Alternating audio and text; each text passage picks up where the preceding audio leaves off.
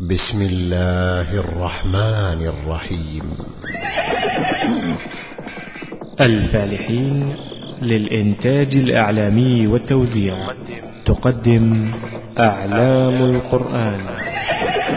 وبيوم بدر حين تمحى وجوه جبريل تحت لوائنا ومحمد. هذا أفخر بيت قالته العرب. مشهد لن يتكرر. لأنه لا يوجد راية يمكن أن تقع في التاريخ من لدن آدم إلى أن تقوم يجتمع تحتها محمد بن عبد الله وجبريل وأبو بكر وعمر وغيرهم من سادة المهاجرين والأنصار أخبار وآثار. فقال أنس رضي الله عنه وأرضاه والله ما ظننت أنني سأعيش. إلى يوم أسمع من يتمارون في الحوض. ولقد تركت في المدينة خلفي عجائب. ما صلينا صلاة إلا سألنا الله فيها أن يسقيهن من حوض نبيه. وفتن ومحن. قالوا ما أعطي عزير هذا إلا لأنه ابن ابن لله. وقصص لشخصيات ماضية. فلما أدركه الغرق وأخذ يرى الموت عيانا في البحر. كان جبريل يأخذ الطين ويضعه في فم فرعون. حتى لا يتلفظ فرعون بكلمة يستدر بها رحمة الله جل وعلا فيرحمه الله. نأخذ منها العبر. فندرس سيرته لنقف على أعظم الصفات التي تحلى بها حتى نبتعد عنها لأن المؤمن يتحلى بطرائق الأخيار ويأنف وينأى بنفسه عن طرائق الأشرار. ونكتشف الأسرار. فقال لهذا كل إنسان على الفطرة يجد في قلبه حنينا إلى عرفات لأن النفس تنزع إلى ما خلقت منه. ونبحر في التاريخ. قال صلى الله عليه وسلم إن الله حرم مكة يوم خلق السماوات ولم يحلها جل وعلا لأحد من الخلق إلا لنبيه صلى الله عليه وسلم حلا مؤقتا ساعة من نهار في يوم الفتح. لما انتهى الفتح ردها الله جل وعلا حرام. على متن سفينة أعلام القرآن لفضيلة الشيخ. صالح بن عواد المغامسي حفظه الله. ومع الشريط الرابع. إن الحمد لله نحمده ونستعينه ونستغفره ونعوذ بالله من شرور أنفسنا وسيئات أعمالنا. من يهده الله فلا مضل له ومن يضلل فلن تجد له وليا مرشدا. وأشهد أن لا إله إلا الله وحده لا شريك له وأشهد أن سيدنا ونبينا محمدا عبده ورسوله. صلى الله عليه وعلى آله وأصحابه وعلى سائر من اقتفى أثره واتبع منهجه بإحسان إلى يوم الدين. أما بعد فنحن ماضون بإذن الله في قضايا أعلام القرآن. أولى أعلام القرآن في هذا اللقاء المبارك لقمان عليه السلام. ولقمان عند أكثر العلماء على أنه غير نبي. وذهب عكرمة من السلف فيما يروى عنه إلى أن لقمان كان نبيا. والذي عليه أكثر العلماء أنه عبد صالح أحب الله فأحبه الله وأعطاه الله جل وعلا الحكمة. والمشهور أنه عاش في زمن داود عليه السلام. قال الله جل وعلا ولقد آتينا لقمان الحكمة وهذا قسم من الرب تبارك وتعالى أنه أعطى هذا العبد الصالح الحكمة وهي الصواب في الأقوال والأعمال ومعرفة حقائق الأمور. هذا مجمل ما يمكن أن يقال عن الحكمة والحكمة لها تعريفات عدة وإنما تعرف بحسب قرائنها. فقول الله جل وعلا واذكرن ما يتلى في بيوتكن من آيات الله والحكمة. تفسر الحكمة هنا بأنها السنة والوحي الذي ينزل على النبي صلى الله عليه وسلم. لكن هذا التفسير غير مضطرد في كل معنى للحكمة وإنما بحسب القرائن. نعود إلى لقمان فنقول إنه عبد صالح أحب الله فأحبه وأعطاه الله جل وعلا الحكمة بنص القرآن وجاء القرآن العظيم بصورة مكية كريمة سميت باسم هذا العبد الصالح لأن الله جل وعلا ذكره في القرآن ذكر قصته فيها. وقلنا إن العلماء أكثرهم على أنهم على أنه غير نبي. وقال عكرمة والشعبي من السلف فيما ينقل عنهما أنه نبي. وعلى هذا تحرير العلم تحرير العلم للمسألة أن يقال إن لقمان أحد شخصيات. ذكرها القرآن اختلف الناس في نبوتها. وهذه الشخصيات منها ذو القرنين ومنها لقمان ومنها حواء ومنهم مريم ومنهم تبع. فهذه أعلام خيرة بالاتفاق. ذكرها الله جل وعلا في كتابه إلا أن العلماء اختلفوا وأكثر أهل العلم على التوقف وقيل على الترجيح بأنهم غير أنبياء. قال السيوطي رحمه الله في منظومة له واختلفت في خضر أهل النقول. قيل نبي أو ولي أو رسول.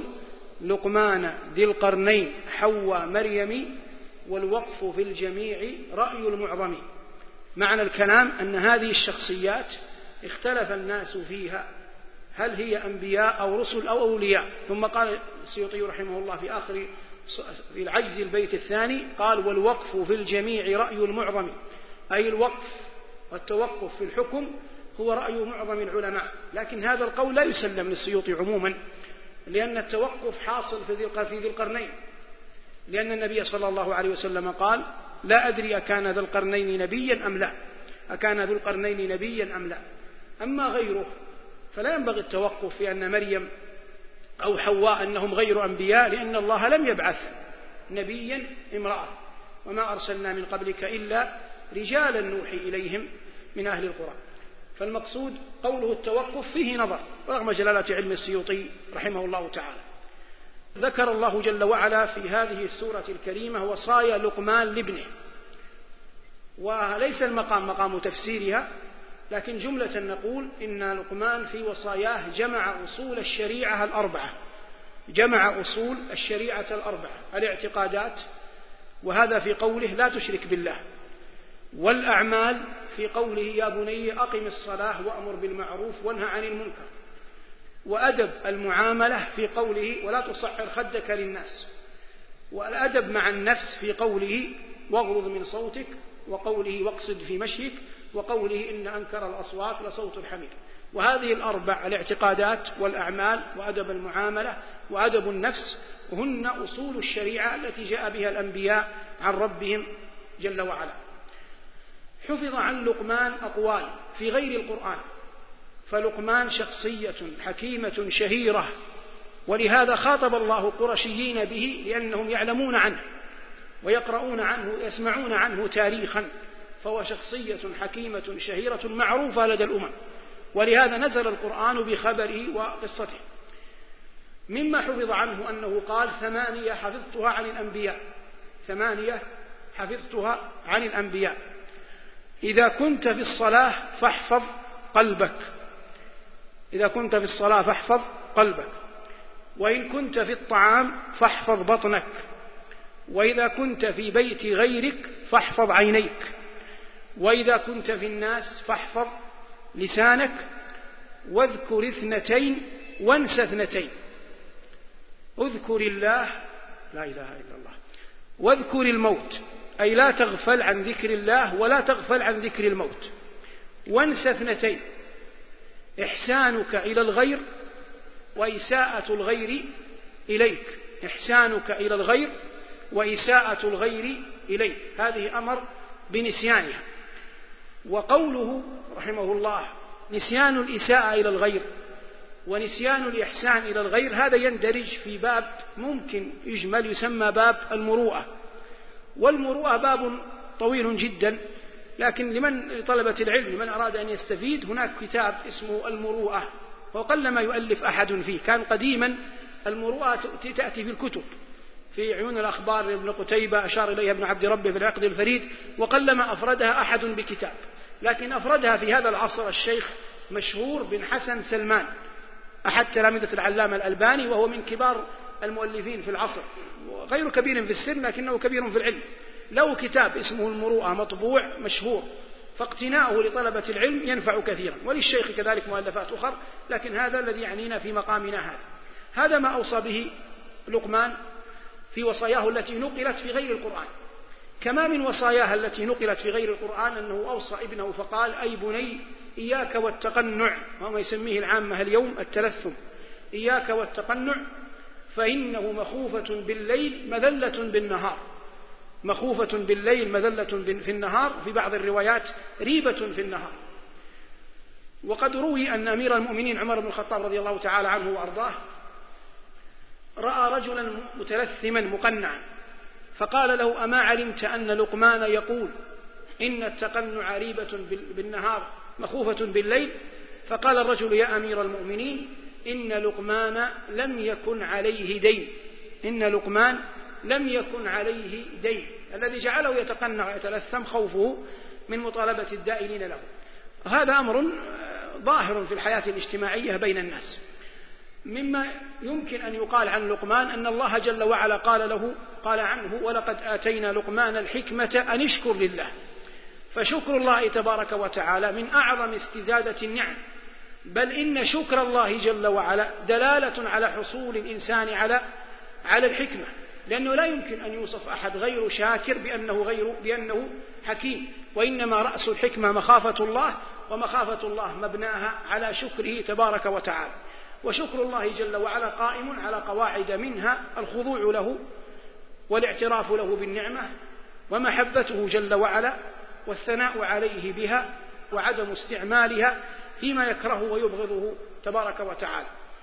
مما ذكره لقمان في وصاياه التي قلنا ليس المقام مقام تفسير إنما نتكلم عن أعلام نتوف تاريخية وأدبية حولها. مما ذكره الله جل وعلا قال أنه قال لابنه يا بني لا تشرك بالله إن الشرك لظلم عظيم. وقد مر معنا في دروس عدة أن الظلم وضع الشيء في غير موضعه. وعبادة غير الله من أعظم الظلم لأنه أعظم وضع للشيء في غير في غير موضعه. وهذه الآية يدخلها العلماء فيما يسمى تفسير القرآن بالقرآن لأن الله قال الذين آمنوا ولم يلبسوا إيمانهم بظلم أولئك لهم الأمن وهم مهتدون. فالصحابة لما نزلت الآية فزعوا إلى النبي صلى الله عليه وسلم قائلين وأينا لم يخلط إيمانه بظلم؟ قال ليس الذي إليه تذهبون أي ظلم الناس. أما سمعتم قول العبد الصالح إن الشرك لظلم عظيم. فسر النبي صلى الله عليه وسلم الظلم الذي في سورة الأنعام بالظلم الذي في سورة لقمان وهذا من تفسير القرآن بالقرآن وهو أرقى درجات درجات التفسير. ولهذا الشيخ الشنقيطي رحمه الله سمى كتابه إيضاح القرآن بالقرآن. ولهذا لم الشيخ لم يفسر القرآن كاملا لأن ليس كل آيات القرآن مفسرة بال بالقرآن. وهو التزم أن يفسر الآيات بماذا؟ بالآيات من نفس من القرآن نفسه. هذا ما وصى به أولا ثم قال الله جل وعلا وصينا الإنسان بوالديه حملته أمه وهنا على وهن وفصاله في عامين أن اشكر لي ولوالديك إلي المصير. الذي يعنينا في هذه القضية لا حاجة للحديث عن بر الوالدين فهذا معروف لكن قول لقمان وصاحبهما في الدنيا معروفة هو موضع الشاهد. هناك أربعة أمور. هناك بر ومودة في آن واحد وهناك مصاحبة وهناك مداهنة مصاحبة ومداهنة ومودة. المودة لا تجوز إلا مع المؤمن وأرقى منها البر لمن له حق لكنها مخلوطة بمحبة ولا تجوز إلا مع مؤمن أو مع مؤمنة.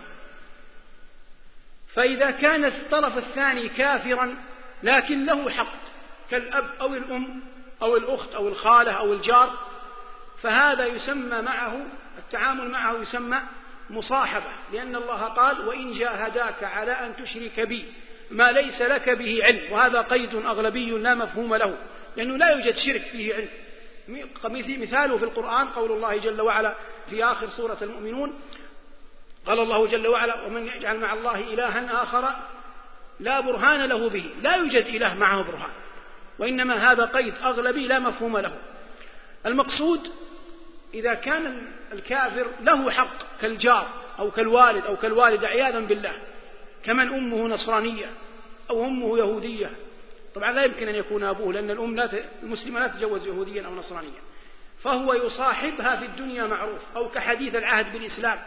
إنسان أسلم من عائلة كافرة. فتعامله مع أبويه يسمى مصاحبة ويتأكد في حق الوالدين ثم يقل تدريجيا في من له حق. ولا يسمى غير لا يسمى برا ولا مودة لأن البر والمودة يشترط فيها المحبة. وإن كان البر جاء في تعبير القرآن لا يشترط فيه لكن إذا أطلق يراد به ما يشترط فيه المحبة. أما المداهنة فهي التنازل عن أصل شرعي. التنازل عن أمر عقدي هذا لا يجوز بأي حال من الأحوال وهو الذي قال الله فيه ودوا لو تدهنوا فيدهنون وهو الممنوع شرعا. قال الله جل وعلا في هذه الآيات وفصاله في عامين.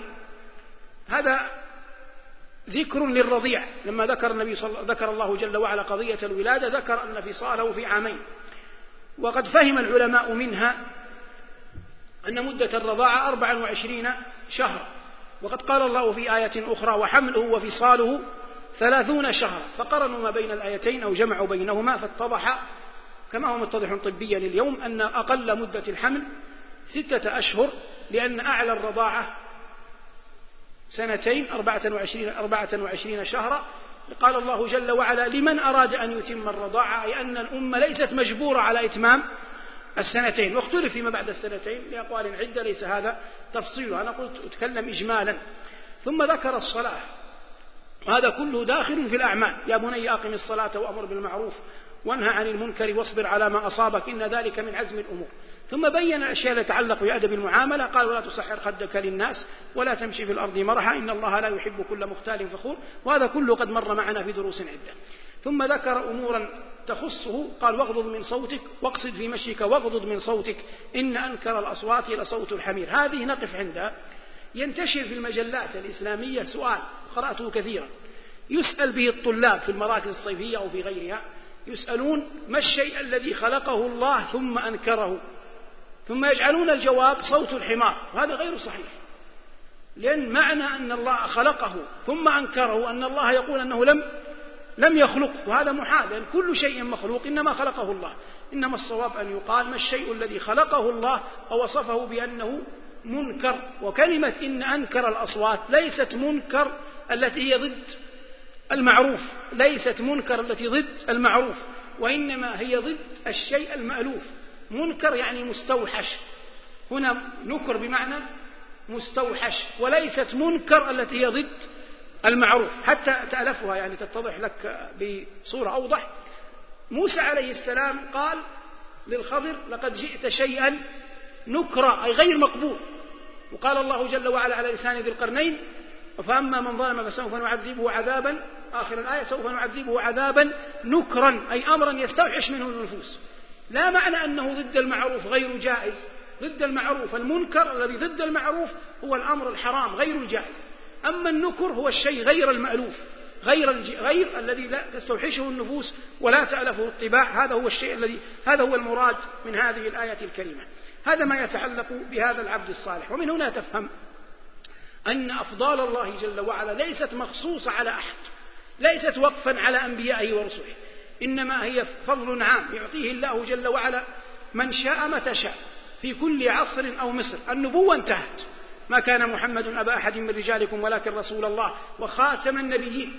أما غير ذلك تبقى أفضال الله جل وعلا على العباد بعطايا تبارك وتعالى العلمية والمالية وغير ذلك وأفضال الله لا تعد ولا تحصى لكن لا يوجد وحي يخبرنا ببعض ممن فضل الله من من تفضل الله جل وعلا عليه. هذا الأول في لقاء الليلة. العلم الثاني في لقاء الليلة كما كان لقمان علم على عبد صالح نأخذ المسجد الأقصى علم على ماذا؟ على مكان. لكنني سأتكلم عن نقاط. لأن المسجد الأقصى معروف. قصته وتكلمنا عنه كثيرا في حديث الإسراء والمعراج. بداية نقول الله جل وعلا خالق كل شيء وهو يصطفي. ونبينا صلى الله عليه وسلم في المدينة أودية. ومع ذلك لما أتى العقيق قال أتاني آت من ربي فأمرني أن أصلي ركعتين في هذا الوادي. أجيبوا المبارك. فالنبي صلى الله عليه وسلم سماه واد مبارك فوادي العقيق واد مبارك بخبر رسول الله صلى الله عليه وسلم عمن؟ عن ربه. والمعنى أن تفهم أن الله جل وعلا يقدم من يشاء بفضله يؤخر من يشاء بعدله ولا يسأله مخلوق عن علة فعله ولا يعترض عليه ذو عقل بعقله. من المساجد التي من الله على, على الناس باصطفائها ثلاثة. والمساجد قلنا إنها تنسب لله جل وعلا ماذا؟ من يتذكر؟ تشريفا. وتنسب لغير الله تعريفا. هذا المسجد مثلا اسمه مسجد السلام ليعرف ويفرق ما بين مسجد ومسجد. لكن كل المساجد يقال لها بيوت الله. فتضاف إلى الله جل وعلا تشريفا وتضاف إلى غيره تعريفا. فقولنا فقول الله في في كتابه المسجد الأقصى هذا ماذا؟ هذا تعريف لكن ليس بالإضافة. تعريف بماذا؟ بالوصف. تعريف بالوصف لأن كلمة الأقصى وصف لكلمة المسجد كلاهما معرفة معرف بأن.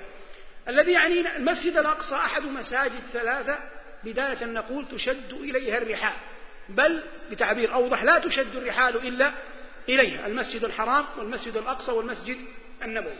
الله جل وعلا قال سبحان الذي أسرى بعبده ليلا من المسجد الحرام إلى المسجد الأقصى الذي باركنا حوله.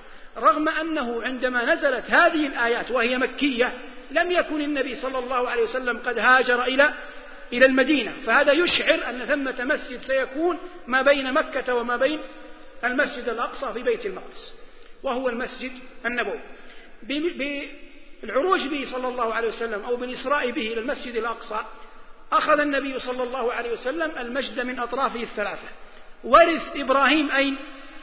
في مكة فولد في مكة وبعث في مكة ليرث إبراهيم وصلى بالمسجد الأقصى نبيا إماما ليرث من؟ جميع الأنبياء. وقد صلوا خلفه. وجاء في بعض الروايات أنه لما سلم رأى إخوانه من النبيين فقال لهم إن الله أمرني أن أسألكم هل أرسلكم الله لتدعوا إلى أحد غيره؟ قالوا لا إنما أرسلنا الله لندعو إليه. قال الله في الزخرف واسأل من أرسلنا قبلك من رسلنا أجعلنا من دون الرحمن آلهة يعبدون في قراءة ويعبدون في قراءة أخرى والمعنى واحد. والمقصود أنه صلى به إماما ليرثهم في في الأرض المقدسة كما سيأتي المكان. ثم خصه الله جل وعلا بهذه البلدة الطاهرة فورث المجد من أطرافه الثلاثة صلوات الله وسلامه عليه. بيت المقدس أرض تختصم فيها الأديان السماوية الثلاثة. اليهودية والنصرانية وال والإسلام. أريحة هي البلدة التي أمر الله جل وعلا بني إسرائيل أن يدخلوها كقرية ويقولوا حطة فحرفوا الكلم. وهي عند كثير من المؤرخين أقدم مدينة مأهولة مسكونة في العالم. موسى عليه السلام هو الذي خرج أنا أتكلم كنقاط هو الذي خرج ببني إسرائيل من أرض مصر إلى بيت المقدس لكنهم امتنعوا من محاربة الجبارين ودخول أريحة فحكم الله عليهم بأن يبقوا في التيه أربعين عاما. أعلام القرآن. فمات هارون ومات موسى بعده وبنو إسرائيل في أرض في أرض التيه. من الذي دخل ببني إسرائيل الأرض المقدسة؟ يوشع ابن نون. دخلها بدأ حربه يوم الأحد. وانتهى مساء الجمعة واليهود تجعل أيام عيدها يوم يوم السبت.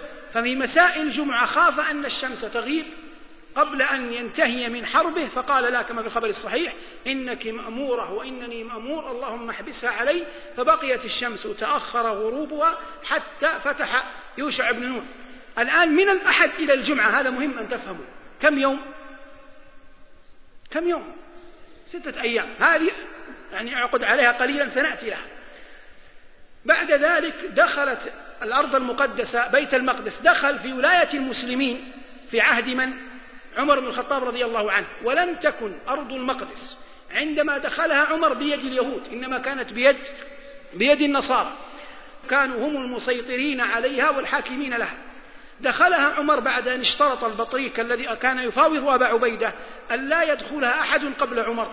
فخرج عمر على بعير له ومعه غلام له يتناوبان الطريق. عمر يركب حينا ويركب غلامه حينا آخر حتى وصلوا إلى دخول بيت المقدس. وافقت النوبة بينهما أن يركب الغلام ولا يركب أمير المؤمنين. وكان على أرض مخاضة يعني فيها طين. فنزل عمر وركب الغلام وعمر يقود الغلام وهو حامل النعلين حتى لا تتسخان بالطين. والنصارى على الشرفات والدور يرون أمير المؤمنين الذي هذه الجيوش التي كانت تحاصر البلدة تأتمر بأمره وهو في المدينة فلما قدم إليهم ظنوا سيأتي في موكب مهيب فأتاهم عمر ببعير له عليها غلامه وهو يقود البعير ويرفع نعليه حتى لا يخوض في الطين فبالطبع من اعتز بالله أعزه الله فكانت هيبة عمر عند النصارى أعظم من هيبته لو جاءهم على أرائك أو جاء على أو جاءهم على مراكب غير ذلك. فهذا يفهم منه أن قول الله جل وعلا بعثنا عليكم عبادا لنا أولي بأس شديد فجاسوا خلال الديار وكان وعدا مفعولا. لا ينطبق على من؟ لا ينطبق على عمر لأن عمر دخلها سلما. لذلك بعض القصائد الموجودة الآن التي يقولها الإخوة الفلسطينيون يقولون مثلا في القدس قد نطق الحجر أنا لا أريد سوى عمر. ردا على الصلح وبهذا لا يرد على الصلح. هذا يضع المسألة في أعظم تعقيدا لأن عمر لم يدخلها حربا وفهم التاريخ يعينك على التصرف في الأحداث. المقصود أن عمر دخلها سلما. احتلها الصليبيون في الحملة الصليبية الأولى عام 492 هجريا هجريا. دخلها الصليبيون مكثوا فيها إلى عام 583 دخلها صلاح الدين ليلة 27 شعبان. وقد كان مشهور عند العلماء أن ليلة 27 رجب أنا آسف. ليلة 27 رجب هي ليلة الإسراء والمعراج عند العلماء قديما. فتأكد عند الناس بهذا الحدث أن ليلة 27 من شهر رجب هي ليلة الإسراء والمعراج رغم أن هذا لم يثبت بسند صحيح فيما نعلم عن النبي صلى الله عليه وسلم. لكن أحيانا تأتي أحداث تاريخية تؤكد أشياء موجودة في أذهان الناس. دخلها صلاح الدين الأيوبي رحمه الله تعالى فاتحا لها محررا لها من أيدي الصليبيين. الصليبيون الذين دخلوا بيت, بيت المقدس أذلوا المسلمين وأذلوا اليهود. يعني تسلطوا على المسلمين وتسلطوا على وتسلطوا على اليهود لأن الصراع ما بين اليهودية والنصرانية صراع قديم. قال الله جل وعلا وما بعضهم بتابع قبلة بعض. ولئن تقاطعت مصالحهم في بعض العصور إلا أنها تبقى العداوة أزلية لا يمكن جمعها بعد ذلك حدثت أحداث تاريخية شهيرة ليس هذا موطنها لكن نتكلم عن المسجد الأقصى ما أمكن إلى ذلك سبيلا. معلوم للجميع أن البريطانيين هم الذين مكنوا لليهود في بيت المقدس على ما يسمى بوعد بلفور المشهور. الساسة الصهاينة قرأوا التاريخ جيدا كسياسة مكدين. والله قال حبل من الله وحبل من الناس. ضربت عليهم الذلة ثم قيد. قال إلا بحبل من الله وحبل من الناس. فالحبل الذي مع الله أضاعوه بقتلهم الأنبياء وكفرهم. بقي الحبل الذي مع مع الناس. هذا الحبل الذي مع الناس أساس اليهود قرأوا أن قوة بريطانيا إلى أفول رغم أنها كانت بلدا لا تغرب عنه عن محمياته الشمس وعن دوله وعن استعماراته.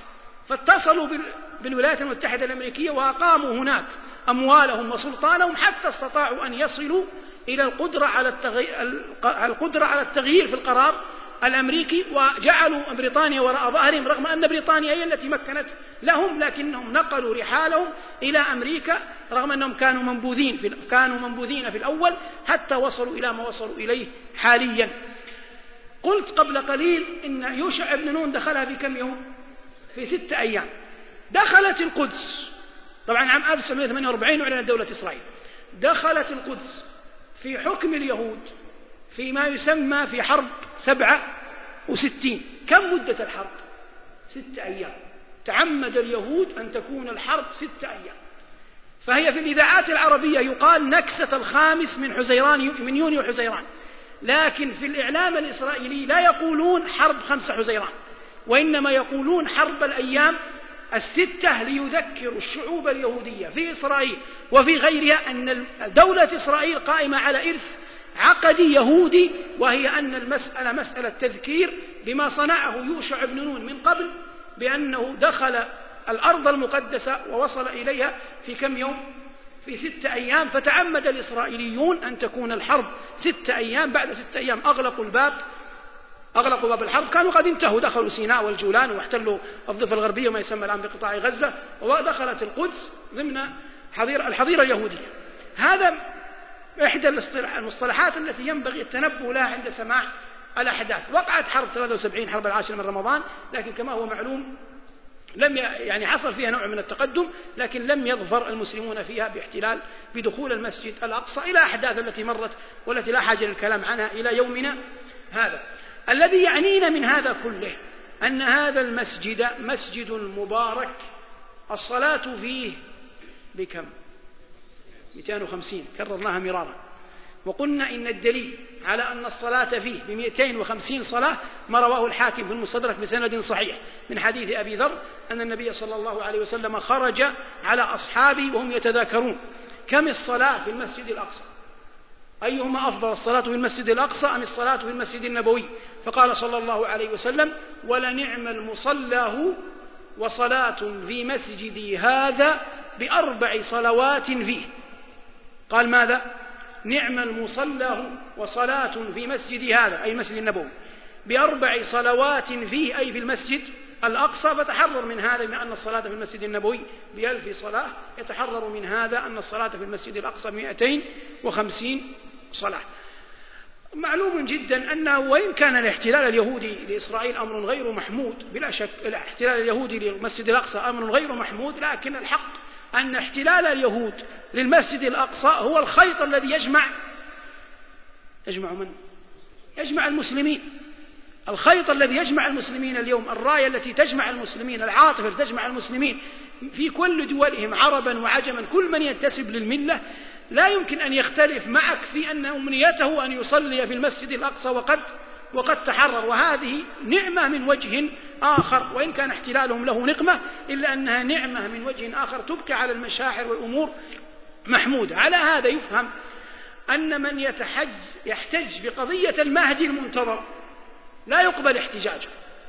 لأن لو قلنا للناس إن المسجد الأقصى لن يحرر إلا على يد المهدي المنتظر لا فضلت عزائم الناس ولمات الجهاد في الأمة ولما بقي هناك أحد يعمل لإصلاح المجتمع والناس كلهم ينتظرون المهدي المنتظر. لكن أضر بالأمة شيء كررناه مرارا أنهم ينتظرون غيبا منشود وينسون واقعا مشهود. ينتظرون غيبا مشهودا وينسون واقعا مشهودا. وإنما الغيب لا يعني بالضرورة أننا نترك ما نحن فيه. فالله جل وعلا أخبر الناس كلهم أنهم ميتون. قال لنبيه إنك ميت وإنهم ميتون. هذا غيب. لا يعني أن تذهب إلى الموت. إنما عيش حياة طبيعية عيش حياة عادية كما أمر الله حتى يأتيك الموت. فالمسجد الأقصى يفتح على يد المهدي يفتح على يد عيسى يفتح على غيرهما هذا لا يخصنا.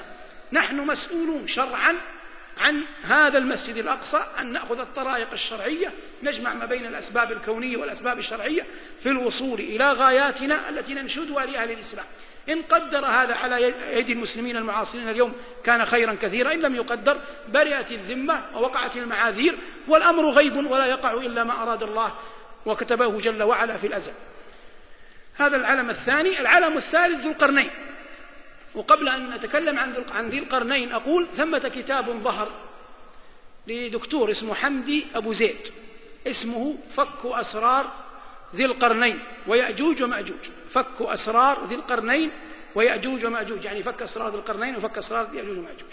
والكتاب فيه فرضيات وأمور كثيرة جدا كبير جدا. وحمدي أبو زيد مؤلف سعودي عضو في مجلس الشورى.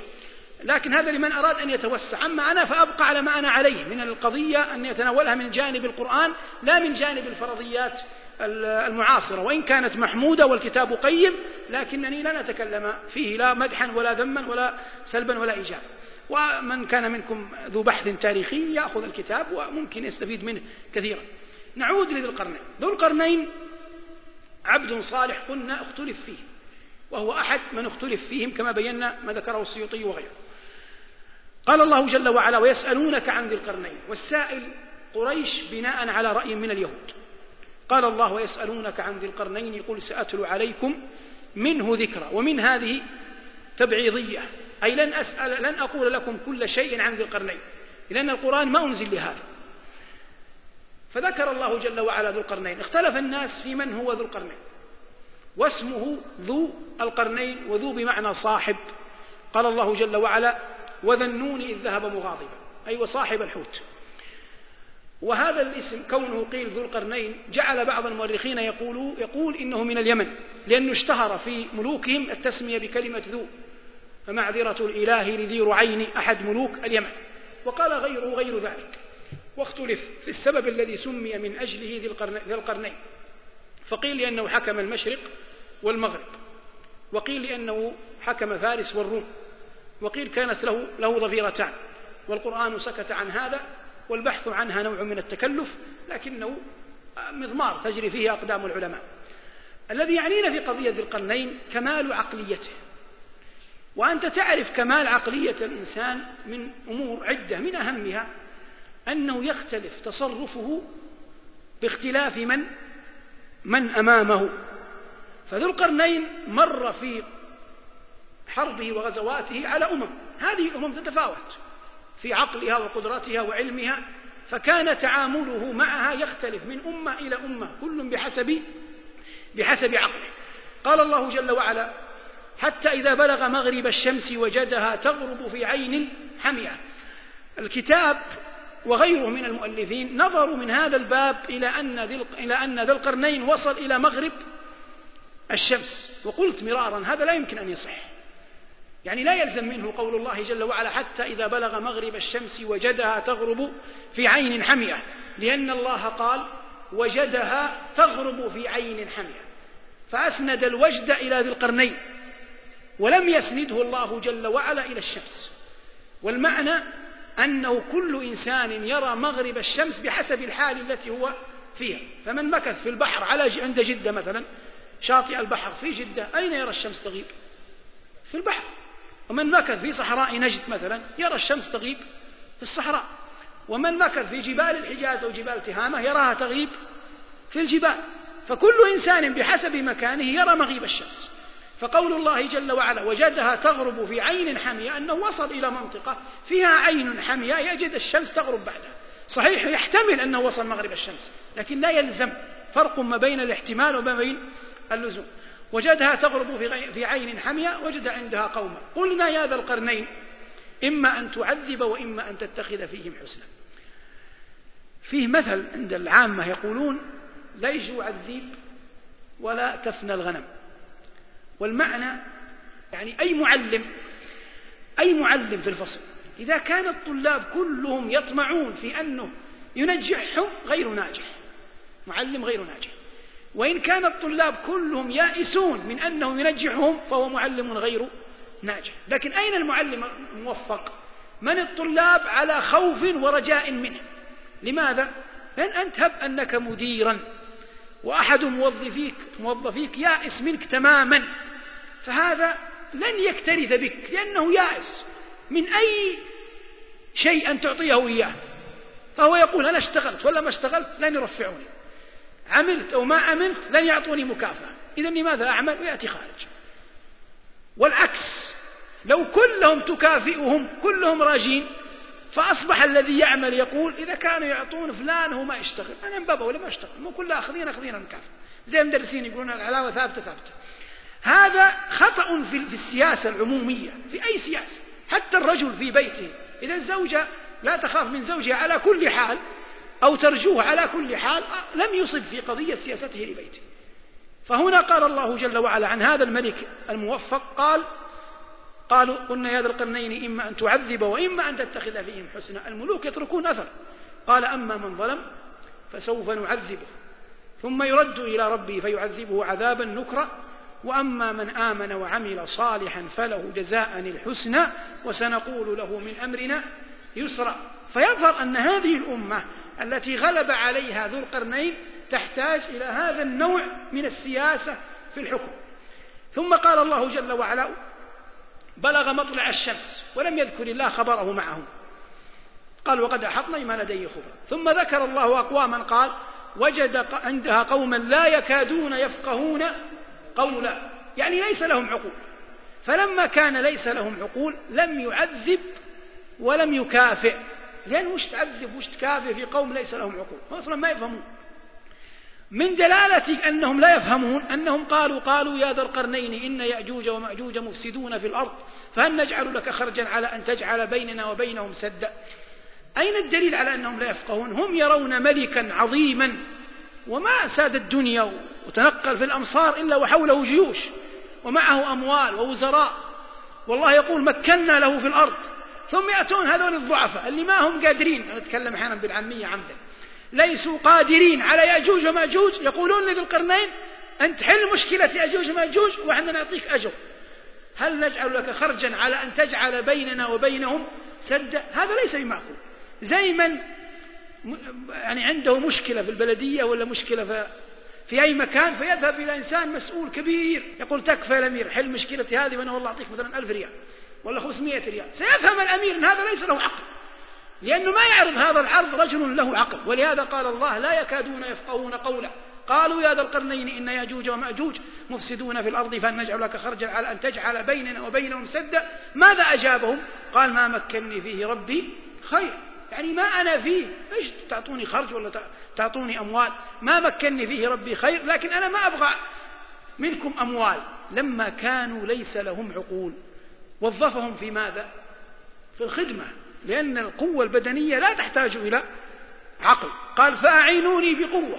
أجعل بينكم وبينهم ردمة. زي هذه مثال سياسي. تحملوه. يقولون في بعض القطاعات في بعض الدول إذا بيختاروا نوعية من الحرس حرس اللي بس يضرب على طول. فيجمعون الناس في فناء. يقولون اللي يعلنون أنه فيه قسم كذا في في الأمن هذا الذي يريد أن يشترك يأتي. يأتون الناس. كل من ما عنده وظيفة يأتي. من قرى تلك البلدان أو محافظاتها أو مدنها يأتون الناس. فيقولون لهم انقسموا قسمين. الذي يقرأ ويكتب يذهب إلى جهة اليمين. والذي لا يقرأ ولا يكتب أمي طبعا بلغتهم يقولوها يذهب إلى جهة اليسار. لكم من اليسار. يذهب إلى أهل اليسار. من يختار؟ لا يختار لا اليمين ولا اليسار يختار البله اللي ما يدري هذا اللي يتكلم إيش يقول لا راحوا يمين ولا راحوا يسار هذول يختارون. لأن هذا إذا اخترته أنت لا قلت أطلق أطلق ما يدري. تستخدمه في أي شيء. جندي واضح؟ على هذا يبنى شيء أهم منه. لأن القرآن ما يقرأ لمجرد أنك يعني لابد تفهم ما في القرآن. أهم منه أنك لا تقبل أن تكون أداة لأي لأي أحد. هذه أهم منها. فلي لا تقبل أن تسلم رقبتك لأي أحد يسيرك كيفما شاء يشاء. فليس العاقل من لا يملك عقلا. هذا الله عذره. ليس المجنون من لا يملك عقلا. هذا غير مكلف شرعا.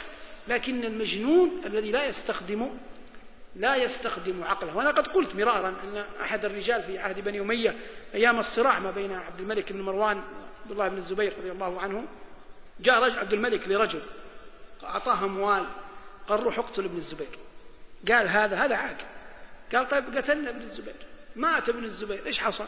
حصل أنت تنفرد في الملك وهذا ابن الزبير يموت شهيد. وأنا ما لها غير وصف واحد أهبل. لأني لا حصلت ملك في الدنيا ولا حصلت شهادة. ألقى الله وأنا قاتل نفس وما وجدت شيء. الحين أنت لو قتلت أنت يا عبد الملك بن الزبير تأخذ ملك تمتع فيه. لكن أنت ما قتلت وتأخذ ملك. وأنا قتلت آخذ عقاب ولا آخذ ملك. ولست بقاتل رجلا يصلي على سلطان آخر من قريش. له سلطانه وعلي إثمي معاذ الله من جهل وطيش. ولست بقاتل رجلا يصلي على سلطان آخر من قريش له سلطانه وعلي إثمي معاذ الله من جهل وطيش. نعود إلى ذي القرنين. قال الله جل وعلا عنه إنا مكنا له في الأرض. هذا التمكين شيء من الله. يعطيه الله جل وعلا من يشاء. وإذا أراد الله بعبد خيرا سخر له خلقه. قال الله وما يعلم جنود ربك إلا هو. وإذا أراد الله بعبد سوء قتله الله جل وعلا بأقرب أنصاره إليه. وإذا أراد الله بعبد سوء قتله الله بأعظم جنده وأقرب خواص أهله إليه يكون سببا في قتله. هذا الذي يمكن أن يستفاد من حديث ذي القرنين عموما وقد تكلمنا عن هذه الأمور في مواطن كثيرة. هذا ما تيسر إراده وتهيأ إعداده وأعان الله على قوله سبحان ربك رب العزة عما يصفون وسلام على المرسلين والحمد لله رب العالمين. تم هذا العمل في استوديو الفالحين بالمدينة النبوية. مهندس الصوت نوح محمد. وتقبلوا تحيات إخوانكم في مؤسسة الفالحين للإنتاج الإعلامي والتوزيع. المدينة النبوية الطريق الدائري الثاني. هاتف 82 711 08 فاكس ثمانية واحد خمسة أربعة ستة واحد تسعة. وإلى الملتقى. والسلام عليكم ورحمة الله وبركاته.